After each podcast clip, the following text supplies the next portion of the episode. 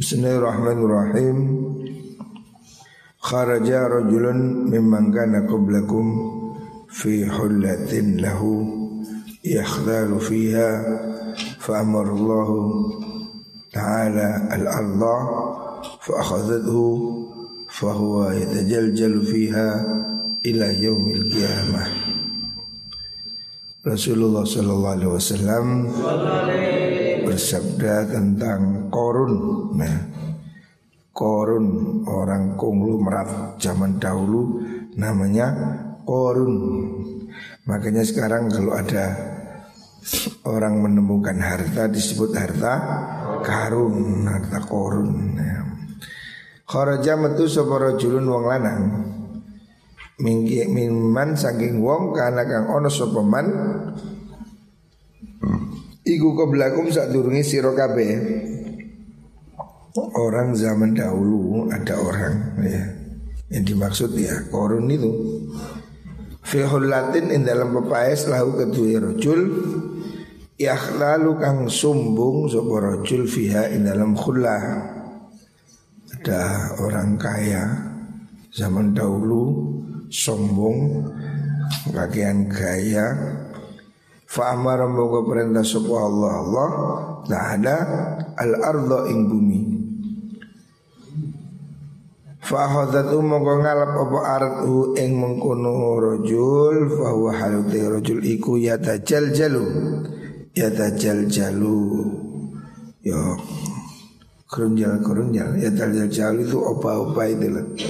Meronta-ronta fiha ing dalam ard ila yaumil qiyamati tumeka maring dino kiamat sampai besok ya. Jadi ini kasus kehancuran orang yang sombong yang bernama Korun. Korun hasilnya santri. Allah mengatakan inna koruna min qaumi Musa ya. Korun ini masih keluarga kerabatnya Nabi Musa. Asalnya Korun ini santrinya Nabi Musa. Kerabatnya Nabi Musa dan masih santrinya. Tapi santri sing kurang ajar, santri yang tidak manfaat. Nah, Korun ini aslinya itu santrinya Nabi Musa. Tapi gara-gara cinta dunia, gara-gara kerakusan, dia menjadi santri yang durhaka. Awalnya Korun ini orang baik awalnya ya. Minta didoakan jadi kaya. Jadi Korun ini asalnya miskin, rajin, rajin ibadah, rajin mengikuti Nabi Musa. Kemudian kepingin kaya.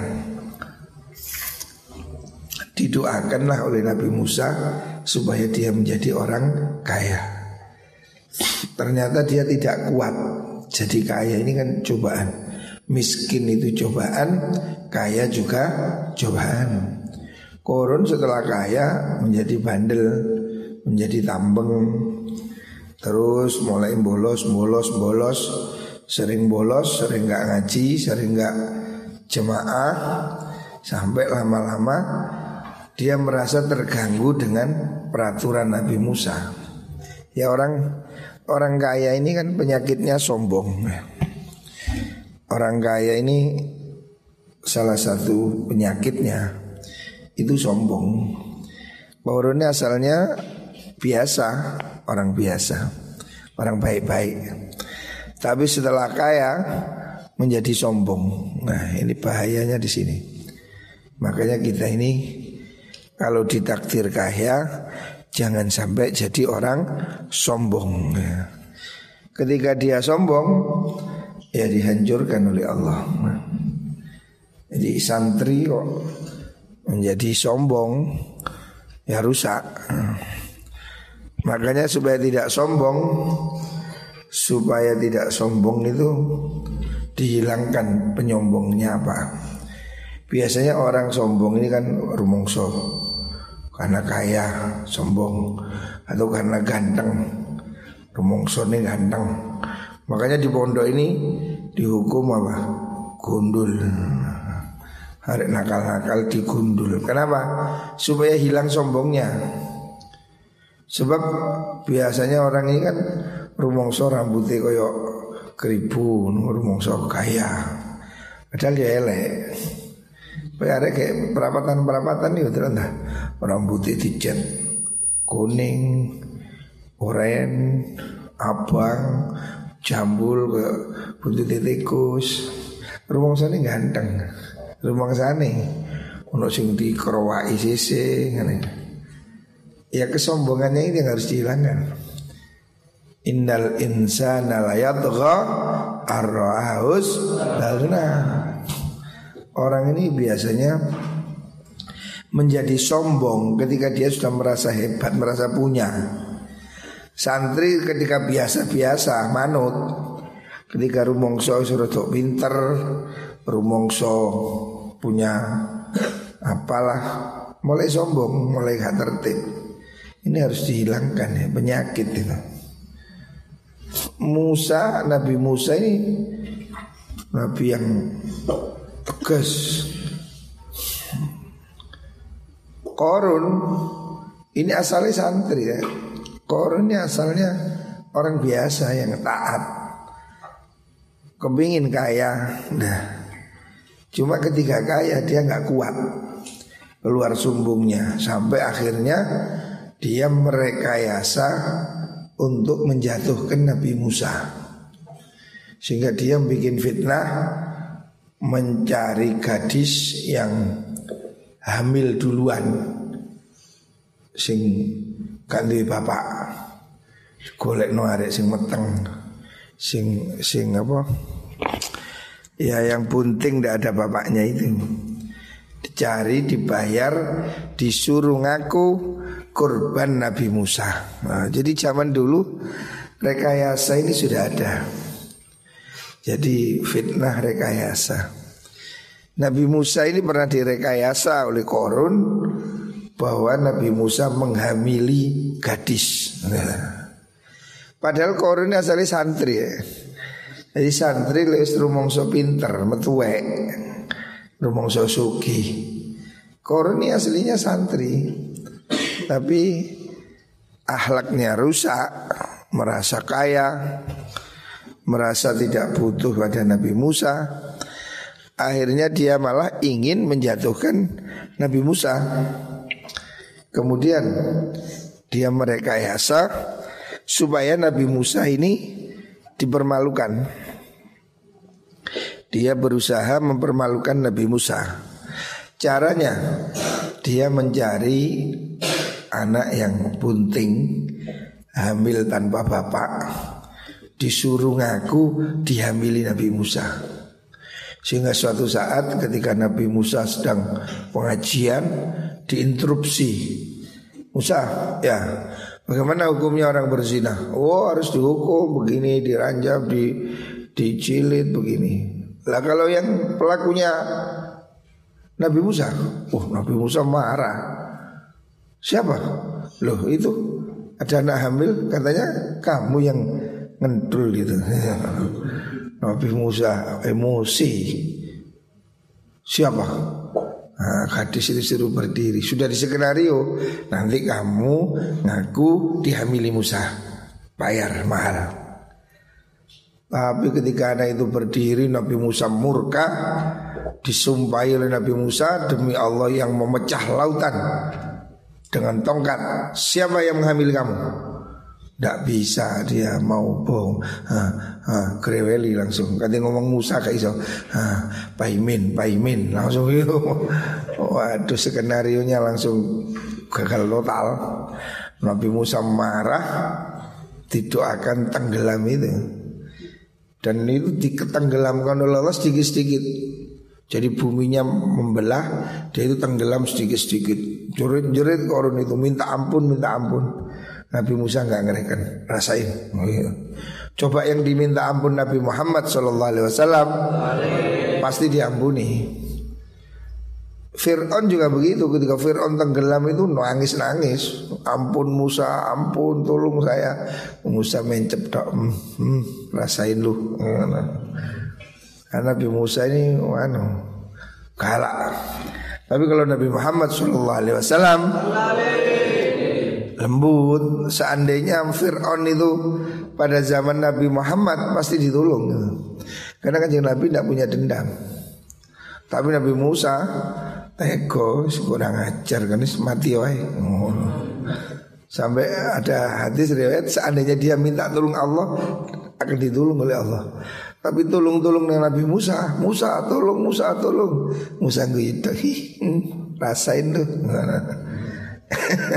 Nabi Musa is teko kapok. Ya karena Fir'aun sudah terlalu jahat. Sama dengan Korun. Korun ini kalau seandainya kanjeng Nabi ya mungkin diampuni Nabi itu berkali-kali mau dibunuh ketika bisa balas pun Nabi nggak balas makanya kita beruntung menjadi umat Muhammad Sallallahu Alaihi Wasallam. Khasyatullah. Itu hadis rawat Tirmidzi. Khasyatullah utai wedi ing Allah. Iku ra'su kulli hikmatin puncak saben-saben hikmah. Ya. hikmah tertinggi ya.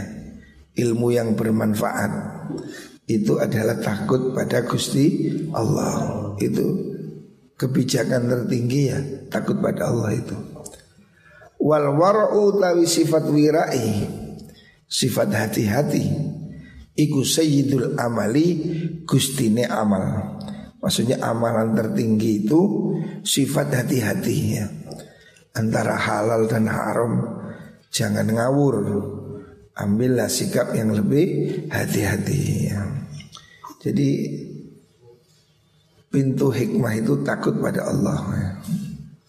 Kalau orang tidak takut pada Allah Ya sudah tidak ada kebaikan dalam hidupnya Karena dia akan melakukan segala sesuatu yang tidak ada aturan ya. Karena itu para nabi, para ambia itu semua orang-orang yang takut pada Allah Subhanahu wa taala. Kanjeng Nabi Muhammad sallallahu alaihi wasallam itu masya Allah lebih sering menangis ya. Tadarru munajat luar biasa. Kita kita ini karena yang Gak patek ngerti Guyune lo ya timbang Hantu hampir tidak pernah menangis. Seandainya kita merasakan apa yang dirasakan oleh Nabi Muhammad SAW Maka kita ini akan lebih banyak nangisnya Takut nah. Sementara kita ini sedemikian kosong jiwa ini Sehingga hampir tidak punya waktu untuk menangis Baca Quran pun tidak menangis Padahal harusnya kita ini punya waktu untuk menangis ya. Introspeksi ya. Baca Al-Quran itu harusnya dengan tadabbur. Kalau orang baca Quran dengan tadabbur pasti menangis. Lah kita kita ini gak tahu nangis karena gak paham. Nanti yo loss, gak pada ngerti, loss. Makanya perlulah waktu untuk introspeksi. Rawahul Qadai Khoslatani utai perkara luru Iku la yasdamiani ora kumpul apa khoslaten Fi mu'minin ing dalam wong mukmin. Ada dua sifat yang tidak boleh ada di hati orang mukmin ya. Artinya ada dua sifat buruk yang ini tidak boleh terjadi pada orang mukmin. Orang mukmin jangan punya dua sifat ini. Yang pertama al-bukhlu, pelit. Pelit bukan sifat orang mukmin. Ya. Orang mukmin jangan jadi pelit. Orang mukmin yang sejati ya. Orang mukmin yang imannya sempurna itu tidak pelit ya. Baik itu pelit harta ataupun pelit ilmu, tidak boleh pelit ya. Karena dia harus mau berbagi anugerah dari Allah Subhanahu wa taala. Wasu'ul khuluqi yang kedua akhlak yang buruk. orang mukmin tidak boleh punya akhlak jelek. Akhlak jelek itu hasut, ya, pendendam, apa, ya akhlak-akhlak yang jelek itu sombong, ria, itu tidak boleh ada. Makanya orang ini harus belajar ilmu akhlak. Ya. Jadi akidah kita ini agama Islam ini ada syariah ya pelajaran ilmu-ilmu lahir cara sholat cara ini cara wudhu cara ilmu amalah tapi juga harus ada belajar ilmu akhlak ya. Ilmu akhlak ilmu tentang membersihkan diri dari sifat-sifat tercela menghiasi diri dengan sifat-sifat mulia. Disebut dengan ilmu tasawuf ilmu akhlak. Ini penting ya Qad aflahaman zakah menyucikan jiwa ya. ilmu untuk menyucikan jiwa menyucikan tubuh dibahas dalam ilmu fikih cara mandi cara wudhu tapi penyucian jiwa, nah ini penting. Nah ini dilakukan dalam ilmu tasawuf atau akhlak. Wan Amr bin Syam mana tadi? Ruwal Bukhari. Hadis sahih dari Imam Bukhari. Khoslatani selanjutnya sabda Rasulullah sallallahu alaihi wasallam Khoslatani utawi perkara luru. Ada dua hal ya.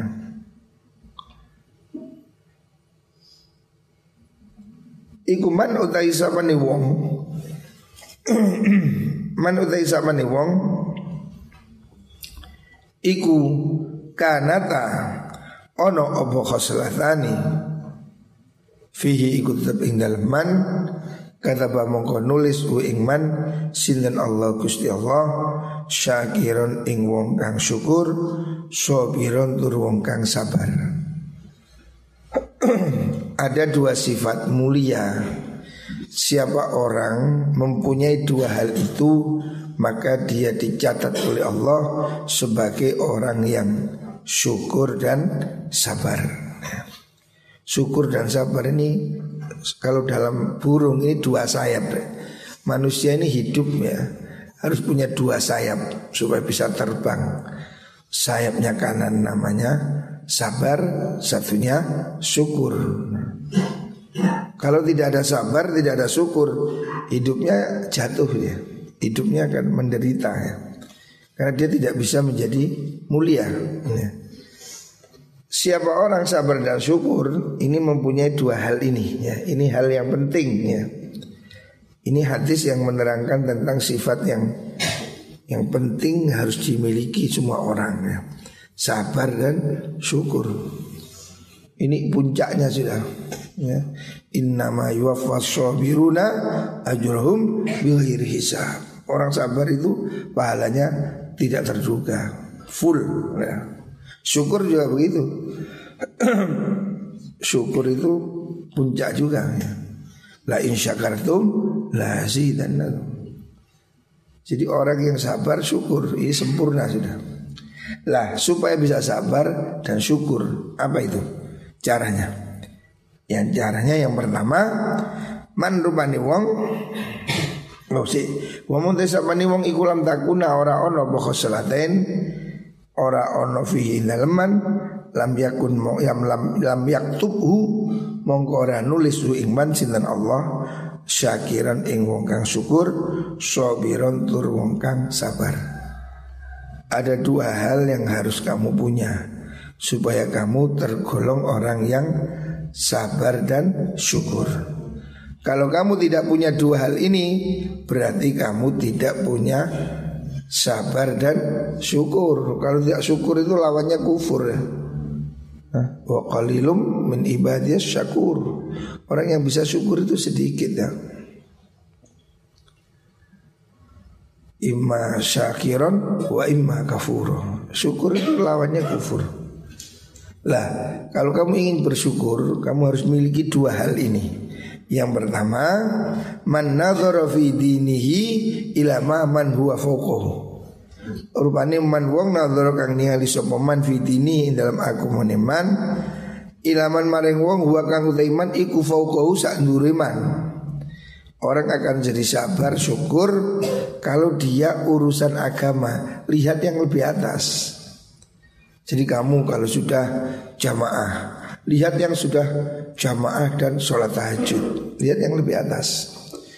Kalau kamu sudah jamaah tahajud lihat yang di atasnya lagi yang ahli wirid, yang ahli zikir.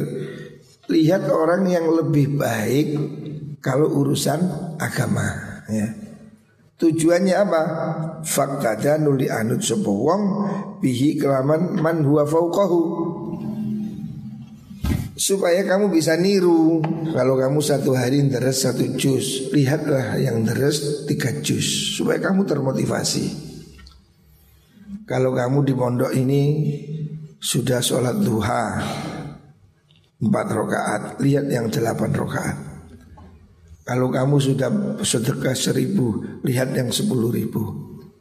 Lihatlah selalu orang yang lebih baik dari dirimu tentang agama supaya kamu terus bisa termotivasi. Ya. Ini penting, re. supaya kita ini menjadi kuat. Lihat orang lain yang lebih kuat. Ya. Kalau orang lain bisa, kita juga bisa. Ini rumus supaya kita ini maju. Jangan jadi lembek, wah susah, susah. Ojo urip ini menjadi apa cengeng. Kita harus punya semangat. Kalau orang lain bisa, saya juga bisa. Itu ada anak hafal Quran, kamu harus bisa. Ya. Maka saya motivasi anak-anak yang baru ini anak SMK kelas-kelas baru. Kamu lihatlah teman-temanmu yang sudah hatam 30 juz. Bisa buktinya ada. Sudah ada delapan anak yang anak SMK ini hafal Al-Quran. Kalau orang lain bisa, kamu bisa. Nah, kamu harus motivasi dirimu. Teman saya itu bisa, saya juga bisa. Ini motivasi yang penting supaya kita tidak mudah menyerah ya sama dengan pondok ini. Kemarin pondok ini mau masuk atau enggak? Kita ini kan ragu-ragu. Ada pandemi, ada covid. Wah, gimana ini? Semua orang menakut-nakuti. Ya saya melihat yang positif aja. Tak lihat pondok lain gimana? Oh saya lihat pondok genggong Santrinya sepuluh ribu Balik Saya lihat pondok Mana itu Sukorejo itu bondo santrinya 14 ribu balik. Ya saya termotivasi loh kalau mereka santrinya 14 ribu balik kita seribu masa nggak berani. Nah, ini saya menjadi berani. Jadi lihat orang yang lebih atas, yang lebih tinggi soal agama sehingga kita ini menjadi termotivasi gitu. Kamu selalu bilang ngafal Quran sulit, lah buktinya yang lain kok bisa. Nah, kalau nggak ada orang bisa, nah itu berarti luar biasa. Buktinya Alhamdulillah di pesantren kita ini Pesantren Anur satu ini Alhamdulillah saya melihat banyak anak-anak yang hafal Al-Quran Ini saya senang Harus kamu jadi motivasi Kenapa itu bisa?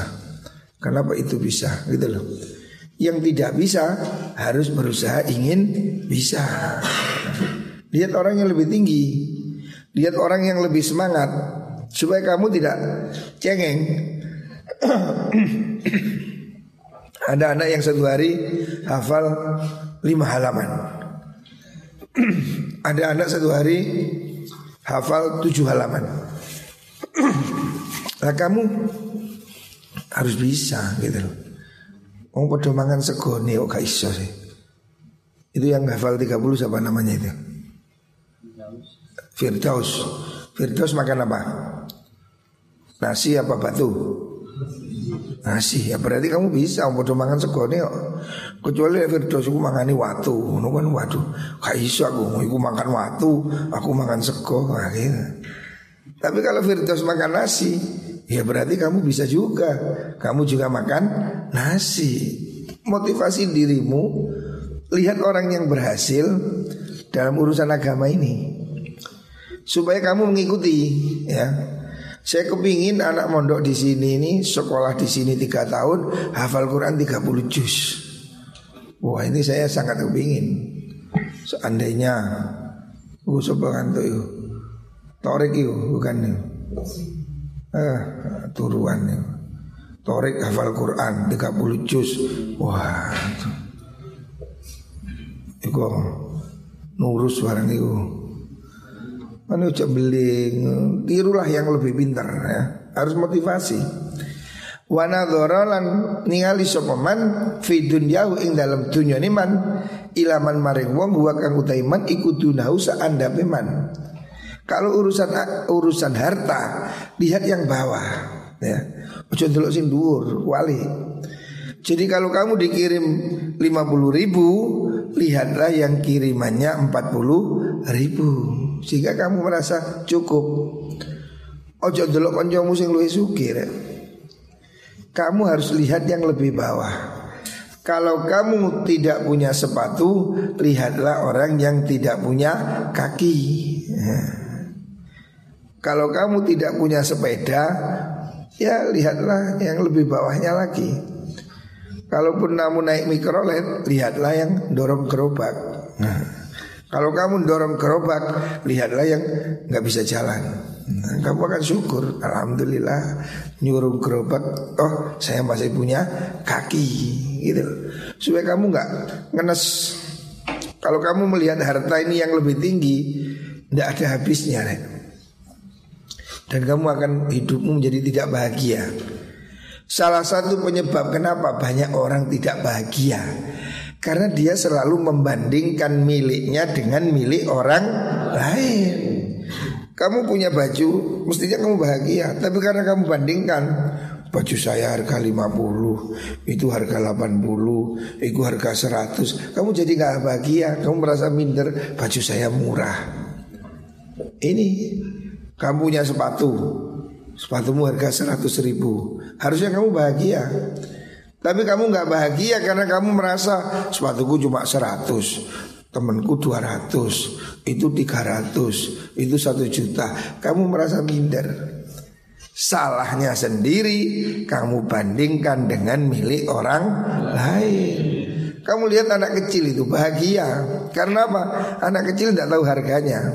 Coba anak saya yang kecil itu Tak kasih botol itu sowan nang botol. Botol kosong Guyu guyu sowan nang didodon-dodon Karena garu regane Tiga idulinan Motor-motoran ketepok ya seneng. Kan dia tak tahu harganya. Yang penting tulinan Anak berdua tahun Kan bahagia itu. Riang, cekikian, guyu terus. Gak susah. Susah paling gak disusoni. Setiap hari guyu tertawa-tertawa Walaupun mainannya wis dikasih terluangnya seneng. Itu loh saya anak saya kecil itu. Kasih kasih kertas. Seneng kertas ketok ketok karena dia tidak tahu harganya dia itu menjadi tidak bahagia ketika mulai besar mulai membandingkan mainan saya kecil itu besar ini mahal, ini murah. Ketika dia sudah mulai membandingkan harganya dengan milik orang lain, itu yang membuat dia tidak bahagia. Jadi kamu juga begitu. Kalau kamu soal harta ini kamu bandingkan hartamu dengan orang lain, kamu pasti merasa hidupmu itu nggak enak. Punya sepeda motor, Supra, Delok Nmax, ya mestinya sepeda malah elek. Supra, gak banter. Coba Nmax, mau lincah. Sing duwe Nmax gak bahagia, Delok apa? Sing gede kok. Sing gede sing jentit itu Ninja. Hmm, ninja iku rek mantep iku. Jentit ya gonceng arek wedok iso nempel iku. Oh, sepeda motor kok dirancang jentit ini. Masalahnya gue lagi gonceng iso dorong Kayak direm itu menekan lebih keras. Wah mimpi kepingin punya ninja. Yang sudah punya ninja Dia sih gak bahagia. Karena yang dipikir Harley. Coba Harley. Wah Orang jadi tidak bahagia karena selalu membandingkan miliknya dengan milik orang lain. Makanya kan yang Nabi ingatkan soal harta, jangan lihat yang lebih tinggi, lihat yang lebih bawah. Kalau kamu naik sepeda apa vario lihatlah yang naik Shogun hmm, wis enak timbang Shogun sing numpak Shogun delok sing numpak RC 80 epek epek epek epek nah. Sing numpak RC delok sing numpak sepeda pancal wis enak sing numpak sepeda pancal delok sing ganti sepeda terus sing ganti sepeda delok sing ganti sikil hmm. kamu akan bahagia jadi soal dunia lihat ke bawah. Hmm. Lek kon delok sing dhuwur kelilipan. Orang sudah punya Mercy pun kepingin punya Ferrari. Sudah punya Ferrari kepingin jet pribadi. Sudah punya jet pribadi kepingin pesawat ulang alik. Kano ente menungso ini ya. Fahamida mongko muji sokoman Allah ing Allah. Ala mangsi perkara. Faddala kang paring anugerah sapa Allah. Utawa ngunggulaken sapa Allah ing man. Bihi kelawan mah alaihi ing atase lian eh, sing man huwa dunahu. Lihatlah orang yang lebih menderita. Di dunia ini banyak orang yang ingin punya separuh saja dari apa yang kita miliki ya. Lihat kamu orang kelaparan di Somalia. Mereka tidak bisa makan Sampai tulang-tulang belulangnya kelihatan. Lihat orang-orang yang mengungsi di mana itu? Rohingya Yang hidupnya sudah terlunta-lunta Jadi sampai apa mengungsi Lihat orang-orang yang hidupnya jauh menderita ya. Supaya kamu ini bersyukur bahwa kita ini bisa hidup aman, sehat, alhamdulillah. Lihat orang-orang Syria yang sekarang miskin, yang jadi pengungsi ke mana-mana. Yang terdekat kamu lihat di rumah sakit ini. Rumah sakit sekarang penuh. Covid ini belum selesai. Jangan dikira Covid selesai loh. Saya kemarin dapat informasi dari Kapolres di Kabupaten Malang ini semua kecamatan ada kasus. Semua kecamatan termasuk Bulu Lawang Dan ini di semua daerah Hari ini sudah tembus 100 ribu yang kena covid ya. Cuma memang sengaja sudah tidak diekspos Supaya masyarakat bisa mulai normal. Tapi semua terutama Surabaya uh, Gawat Makam keputih itu 2 hektar sudah hampir penuh. Indikasinya itu kuburannya udah penuh. Makanya kamu bersyukur ya kita hari ini seger pagi-pagi bisa ngaji alhamdulillah lihat hari ini orang-orang di rumah sakit yang berebut berebut ventilator yang bernafas harus pakai ini apa jenis ventilator yang bernapas perlu oksigen kita alhamdulillah udara segar walaupun dingin. Hari ini kan dingin. Tapi alhamdulillah sehat. Ini nikmat ya. Bersyukurlah ya. Bersyukur walau kamu tidak kaya tapi kita diberi sehat. Ini sudah luar biasa. Berapa hari ini saya punya kenalan orang kaya yang hartanya triliunan mati juga kena covid jadi covid ini tidak bisa dibeli ya. Buktinya itu saya ada dua orang lah yang saya kenal Orang kaya-kaya, super kaya Mati juga Seandainya obat itu dijual satu miliar, dua miliar Dia bisa beli. Nyatanya ya tidak bisa. Makanya kita masih sehat ini syukurilah. Alhamdulillah. Lah kalau siapa orang mau bersyukur lihat yang atas soal agama, lihat yang bawah soal dunia, ya kata Bah Mongko nulis hu ingman sop Allah Gusti Allah syakiran ing dadi wong syukur, sobiran tur wong yang sabar. Syukur dan sabar, alhamdulillah. Syukur walaupun kita ini tidak naik mercy, tapi tubuh kita sehat, alhamdulillah. Enandi melaku sikil sehat numpak mercy setruk ya apa enak di Oke, oh, pun Pak Mercy rasa truk dowe. Bisa melaku iki sehat. Ya. Wa man desa man wong iku nadhara ningali sapa man fidini dalam aku man. Ilaman maring perkara wong gua kang iman iku dunahu anda peman sebaliknya kalau orang soal agama melihat ke bawah wah jelaka ini. Kamu sholat lima waktu lihat yang belum sholat. Ya wes aku gak sholat tuh konjoku gak sholat. Oh bahaya ini. Kamu nggak jamaah. Lihat yang nggak sholat. Waduh ya teman-teman aku gak jamaah tapi kan sembahyang. Koncoku gak sembahyang. Gue sesuai kan gak sembahyang wisan aku nyolong mek sewu dek nyolong satu Mungkin merasa bener. Mau bahaya. Soal agama. Jangan lihat yang lebih bawah ya. Aku sholat seminggu sepisan. Tonggoku sholat setahun sepisan. Kok kon melok pisan? Ndak boleh nah Wa nadhara lan ningali sapa man ilaman maring wong huwa kang utaiman iku fauqahu sak man. Kalau dibalik begini, nah, ini keliru. Agama lihat yang bawah, dunia lihat yang di atas. Kalau ini terjadi, yofa asifa mongko nelongso sapa man. Nelongso dure awis. Mangan tempe. Konjoku mangan sate, nelongso kan. Kalau kamu melihat yang ke atas, kamu akan hidupmu tidak bahagia. Ya. Hidupmu akan merasa menelangsa. Apa menelangsa? Mengersula itu Apa? Eh? Ya uniku ya. Wa asifalan longso sapa wong alama ing si perkara fata kang pot ilang apa mahu ingman mindu sanging mindu sanging man. Kalau kamu lihat harta itu lihat ke atas, kamu akan merasa kurang eh. Merasa bayaranku mek sak mini. Mek sak mini, mek ono mek. Aduh, mek sak mini. Kamu akan menjadi tidak bahagia. Kamu akan merasa hidupmu serba kekurangan.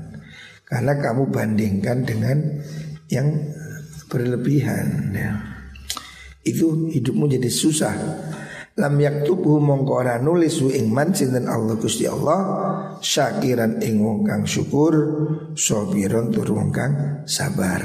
Kalau kamu tidak bisa melihat yang atas soal agama malah sebaliknya dan soal dunia kamu lihat ke atas maka kamu tidak akan pernah bersyukur dan kamu tidak akan sabar. Kamu akan merasa hidupmu ini menderita kamu akan merasa hidupmu ini susah. Padahal sesungguhnya hidup kita ini jauh lebih bahagia dibanding orang yang menderita. Kamu harus bersyukur banyak orang lain yang mungkin masih bermimpi memiliki 50% saja dari apa yang kita miliki. Banyak orang yang masih tidak bisa makan. Para pengungsi, orang-orang di Palestina, orang-orang di daerah konflik di Kongo, di mana Ethiopia, orang-orang menderita di dunia ini banyak sekali. Gelandangan-gelandangan di pinggir jalan, ya. Kita ini walaupun tidak mewah tapi sudah bisa makan. Alhamdulillah. Ini kita sehat, nikmat terbesar, ya. Bersyukurlah. Ya. Jangan kamu lihat ke atas urusan dunia. Kamu akan tidak bahagia ya. Muka-muka kita semua termasuk golongan yang sabar dan syukur. Sabar dan syukur ini tiket masuk surga. Amin Allahumma amin